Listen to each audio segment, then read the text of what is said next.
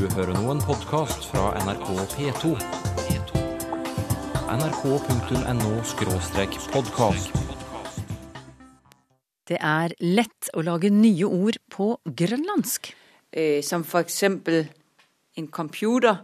Det heter Ratsasiak, en slags hjerne.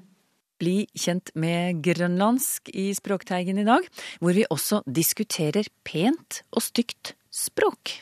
Jeg vil ikke dele dialekter inn i pen og stygg, men jeg aksepterer at det går an å si om en persons språk at vedkommende snakker pent. Tenk på et ord, Sylfest Lomheim. Ordet er jo eh, et av verdens mest brukte ord. Ja, uh, ett hint til. Ordet oppsto i New York på slutten av 1830-tallet. Um, nei, du, det var vanskelig, det. Det som er ikke heilt sikkert, er hvem som brukte det først, men de fleste spor går til han som var president. Åh, nei, eh, jeg gir opp. Du får avsløre det litt senere. Hvilket språk har egentlig verdens lengste ord? Eh, Derom strides de lærde, men inuittspråket på Grønland stiller iallfall i verdenstoppen. I sin tid hjalp nordmannen Hans Egede grønlendingene med å etablere sitt eget skriftspråk. Og i dag, nesten 300 år etter, finner vi et høyst levende inuittspråk på øya. Reporter Magnar Branseth tar oss med til Grønland.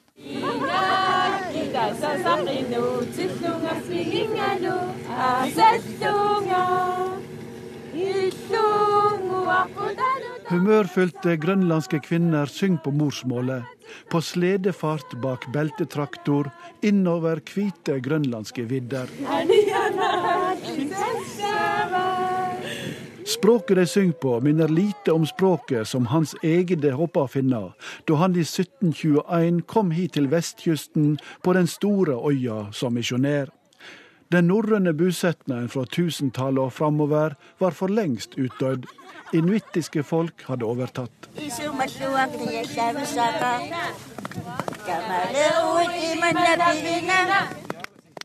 Språket deres ligger langt unna det nordiske, men hva andre språk er det egentlig i slekt med? Man har jo lenge lett etter slektskap med andre sprog. Og man har kigget på, jamen kunne det ligne, man har da kigget på noe tyrkisk og noe sibirisk og indianske sprog, men de eskimoiske sprog, det er og blir en isoleret eh, sprogstamme, som ikke minder om noe annet. Eh, og de sprog, de breder seg så fra Sibirien til Alaska, Kanada og Grønland. Og det er det, vi kaller de øh, eskimoiske språk, og som ikke har noe der ligner dem øh, andre steder. Den som svarer, er Aviaja Larsen. På grønlandsk vil du si at vi er ja. Hun er halvt grønlandsk og halvt dansk, er utdanna eskiomolog og er lærer ved språksenteret i Sissimjut, den nest største byen på Grønland nord for hovedstaden Nuuk. Grønlandsk, med de mange, lange orda, er altså et språk som likner lite på andre. Der er selvfølgelig andre sprog, som også har lange ord. Blandt andet i Nordamerika, der har vi også nogle indianske sprog med ret lange ord, men, men du kan ikke eh, se noget slægtskab i øvrigt. Grønlandsk er i dag offisielt språk ved sida av dansk. Hans Egede gjorde i si tid en stor innsats for forståing av grønlandsk kultur og språk, og var ifølge Avieia pådriveren for at inuittene på Grønland fikk sitt eget skriftspråk. Hvordan er det egentlig ståa for grønlandsk, nå mer enn 250 år etterpå? Står språket sterkt? Det kommer an på, om du mener politisk øh, eller kulturelt. Politisk står det måske ikke særlig stærkt. Andet fordi, at i selvstyret foregår det officielt på dansk.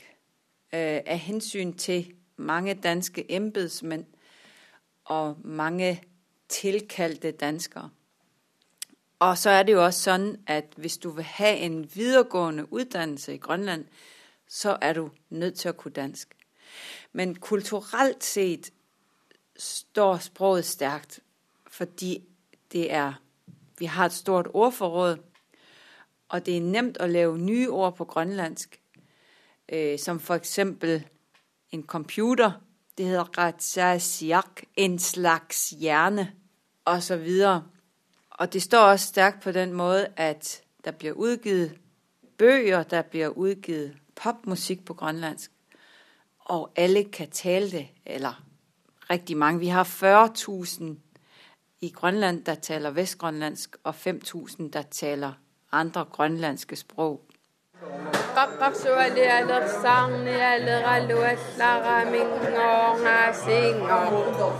Og språket som ett langt ord som dette, trykt på ei turist-T-skjorte, kan uttrykke betydninga de prøvde å nå toppen av fjellet, blir brukt som det daglige språket, både til hverdags og fest.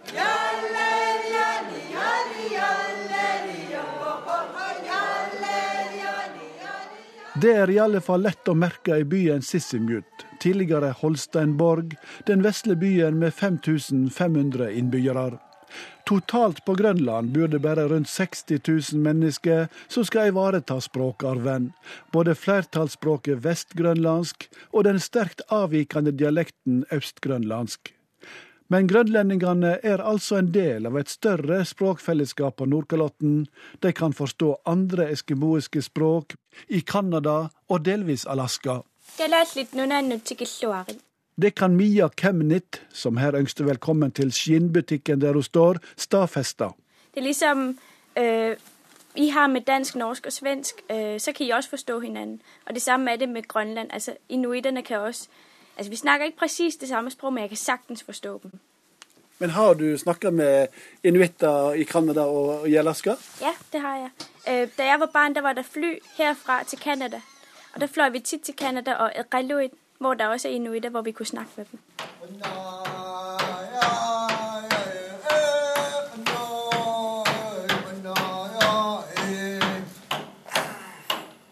Den eldgamle trommedansen kan en fremdeles høre på Grønland. Her ønsker Harald Bajari alt godt. Men hvor godt har det stått til med det grønlandske inuittspråket gjennom åra? Har det på noe tidspunkt vært trua? Vi vet jo at samisk i sin tid var forbudt i skolen i Norge. Det grønlandsk har aldri vært i fare for å dø ut, og det har aldri vært forbudt å tale grønlandsk. Øh, derimot har den grønlandske kultur vært under sterkt press. Blant annet øh, så ble trommedans jo forbudt av hans ede. Og den dag i dag så er det mange grønlændere der syns at øh, det er noe verre, barbarisk, hedensk noe å synge trommesang. Du kan ikke finne rett mange her i Sisimiut, eller for den saks skyld på hele vestkysten der, der kan huske den tradisjonen. Men språket har aldri vært truet på noe tidspunkt. Man kan selvfølgelig si at folk har vært presset til å tale dansk. Blant annet i 60'erne sendte man noen grønlandsktalende barn til Danmark for at de skulle lære dansk. Og de måtte ikke uh, tale grønlandsk. Og da de kom tilbake uh, noen år senere, så hadde de glemt å tale grønlandsk. Det vil si, de kunne ikke tale med deres forældre, da de kom hjem fra det her Danmarksopphold. Så det er jo nok det mest sådan grelle eksempel på en meget hen i været sprogpolitikk som det har vært ført. Aviaja Larsen er sjøl født i 1971, og på den tid var det fremdeles ganske vanlig at en snakka dansk i heimen, når en som henne var halvt dansk, med dansk far. Nei, det var meget normalt at hvis man hadde en dansk forelder og en grønlandsk forelder, at det så var det danske der ble hovedsproget i hjemmet, fordi at man hadde den innstilling at fremtiden lå i Danmark. Det var der mulighetene lå, og det var der utdannelsen lå. Og det var en alminnelig oppfattelse i tiden. Og så kom selvstyret, eller hjemmestyret kom i 79. Ikke? Og da begynte man å legge mye større vekt på det grønlandske språk og den grønlandske kultur. Det fortalte eskimolog og språklærer Aviaya Larsen. Om en uke tar reporter Magna Branseth oss med til Grønland igjen for å lære mer om hvordan inuittspråket er bygget opp. Ett ord kan ha rundt 700 bøyningsendelser, så her gjelder det å skjerpe seg.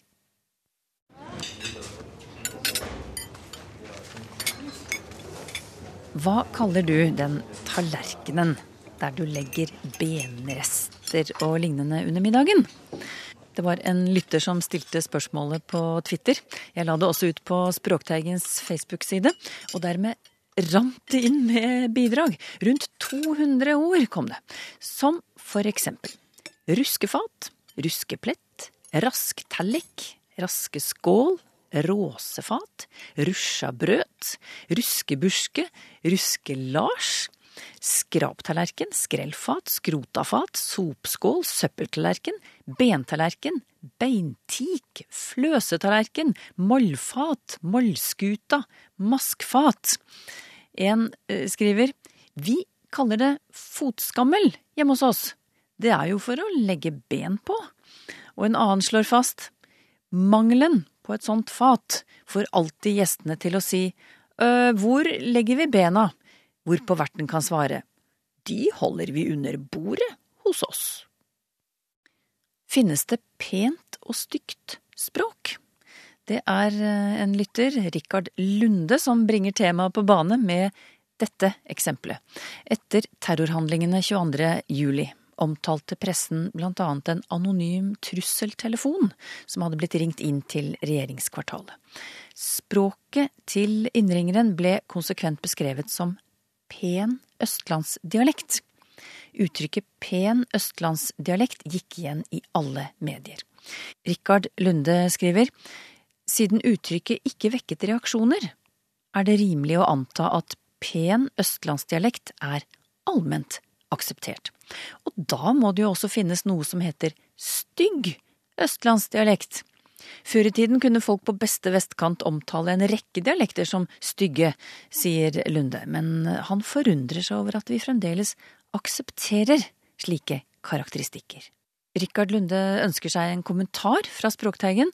Jeg ringte Universitetet i Agder og kalte inn deg, språkforsker Jan Christian Hognestad. Du, dine tanker rundt begrepene pent og stygt språk? Ja, For det første, historisk sett så har jo Lunde helt rett. Og ikke minst i Oslo er vi vant med at folk har hatt klare meninger om pent språk og stygt språk. Og min gode kollega Arne Torp han har jo for øvrig tatt fatt i termen dannet østnorsk og laga motsetningen udanna østnorsk, og dermed laga et artig poeng.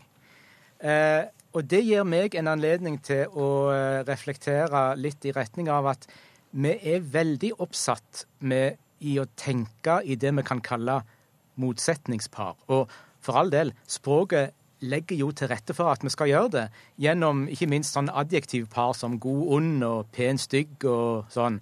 Og det fører jo til at hvis noen sier at et eller annet på et område er pent, så avkrever vi fra vedkommende, eventuelt beskylder vedkommende for å ville karakterisere noe på det samme området som stygt.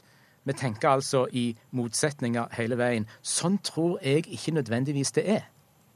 Har du et eksempel, eh, et språkeksempel som eh, fra din egen erfaring, kanskje? Ja, hvis jeg kan få lov å ta en liten tur til heimbyen min, Egersund. Der kan jeg godt finne på sjøl og si f.eks. om eh, ei eldre dame at hun snakker pent. Aha. Og det forutsetter ikke på noen måte at jeg, verken som smaksdommer eller i alle fall ikke som lingvist, eh, har behov for å kalle alle andre egersundere sitt språk for stygt. Pent er simpelthen en merkelapp, om du vil, som jeg henger på Eh, en språkvariant der det er en del elementer som graviterer i retning av standard, i retning av bokmål, om du vil, i lyder og i bøyningsendelser, men har ikke motsetningen sin som sin forutsetning, tror jeg. Kan du gi et eksempel på hva som er pent eh, Egersund-mål, da? Eh, ja, da vil denne gamle dama mi hun vil erstatte ikke med ikke. Uh, hun vil erstatte jeg med jeg, eller til og med je, som de òg gjør i Stavanger. Uh, og hun vil uh, bøye substantiv og verb sånn som de bøyes på bokmål, snarere enn sånn som de bøyes i Egersund bymål vanligvis. Men hvorfor er dette pent?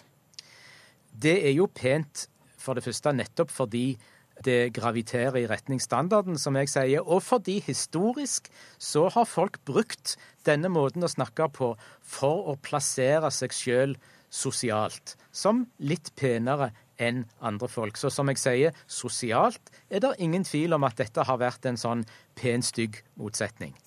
Du, da, i Tidligere i vinter så var det en av dialektene våre som ble kåret til eh, Norges styggeste dialekt. Vi behøver ikke å rippe opp i hvilken det var. Men hva er forskjellen på pent, sånn som du akkurat har forklart det med disse damene i Egersund, og når man sier at en dialekt er pen eller stygg?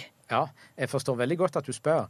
Eh, fordi det jeg gjør, er i grunnen å snakke om å, snakke pent i anførsel, på en måte. Og når jeg allikevel gjør det, når jeg bruker dette problematiske adjektivet som har akkurat de eh, assosiasjonene som du nevner, så er det faktisk fordi at det fungerer veldig godt rent kommunikativt. Når jeg snakker med en person og forteller om den gamle dama jeg har truffet, og sier at hun snakker pent, så skjønner andre egersundere umiddelbart hva jeg mener.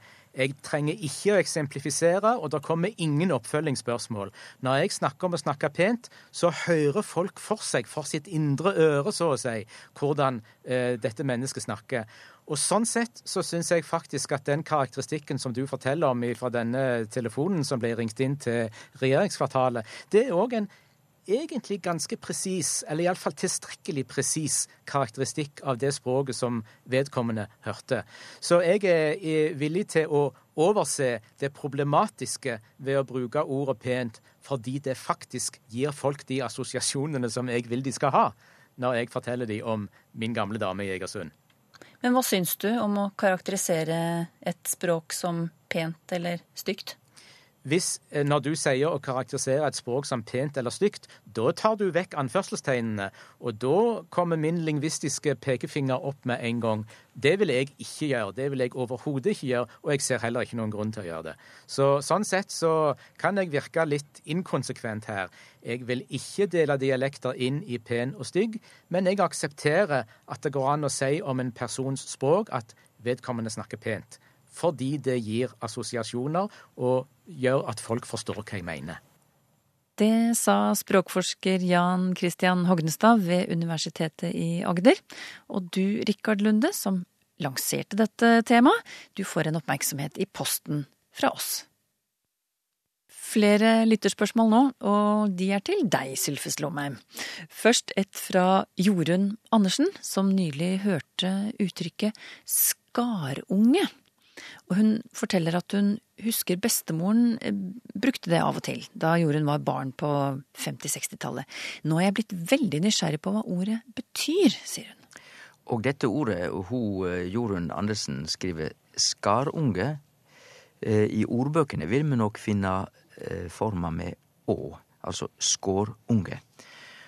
Og de forteller da også, ordbøkene, at dette er et ord som har to tydingar. Den ene tyinga er en eh, måsunge, altså en måkeunge, som ennå ikkje har fått fargane sine. Den andre tyinga er ein gut på fiskebåt eller et anna fartøy som er heilt fersk. Han er liksom ikkje full, eh, full mann på båten. Så da ser vi jo sammenhengen mellom både måsungen og den eh, ferske gutten på et fiskefartøy. Og sannsynligvis så er omtalen av gutten, den ferske guttungen, minst like kjent som eh, måsungen skulle tru. Sjølve ordet skår eh, skriv seg fra ordet skjerr. Og det å være skjern, det betyr å være redd. Så du er liksom ikke tøff nok. Du er liten, ikke tøff.